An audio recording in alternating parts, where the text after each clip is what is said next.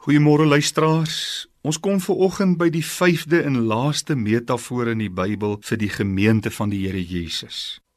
Ons het gesien die gemeente word uitgebeeld as liggaam van Christus.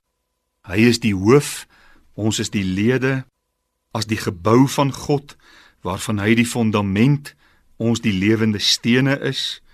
Die kudde van die Here waar hy die opperherder is, ons natuurlik die skape waarvoor hy sorg dra.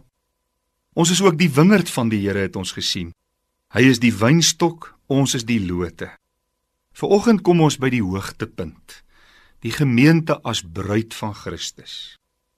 In Efesiërs 5 vers 23 skryf Paulus: "Manne, julle moet julle eie vroue lief hê, soos Christus ook die gemeente liefgehad en homself daarvoor oorgegee het." Dink 'n bietjie. Christus, die bruidegom, Die gemeente is sy bruid. Daar's 'n ware liefdesverhouding.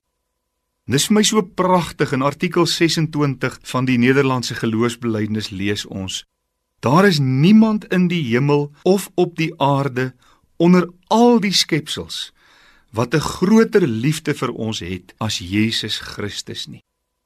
Daar's nie 'n bruidegom op aarde wat sy bruid liewer het as wat Christus sy bruid die gemeente liefhet nie.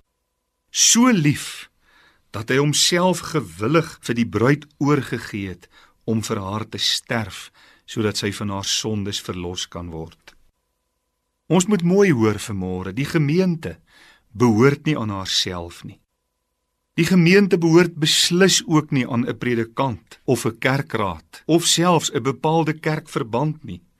Die gemeente behoort uitsluitlik aan haar bruidegom, die Here Jesus. En daarom is dit so belangrik dat elke gemeente as bruid van Christus daadwerklik besig sal wees om in wederliefde aan die bruidegom onsself voor te berei, onsself te heilig, onsself af te sonder en in liefde asof gebind deur huweliksbeloftes aan die bruidegom vir hom te lewe. Hoe doen ons dit? Deur ons algehele toewyding aan die Here Jesus. Ja, kom ons vul ons kerke weer opnuut uit liefde vir die bruidegom.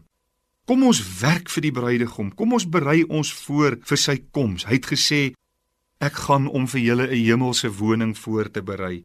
En as ek gegaan en vir julle 'n woning voorberei het, kom ek weer na julle toe en sal julle na my toe neem.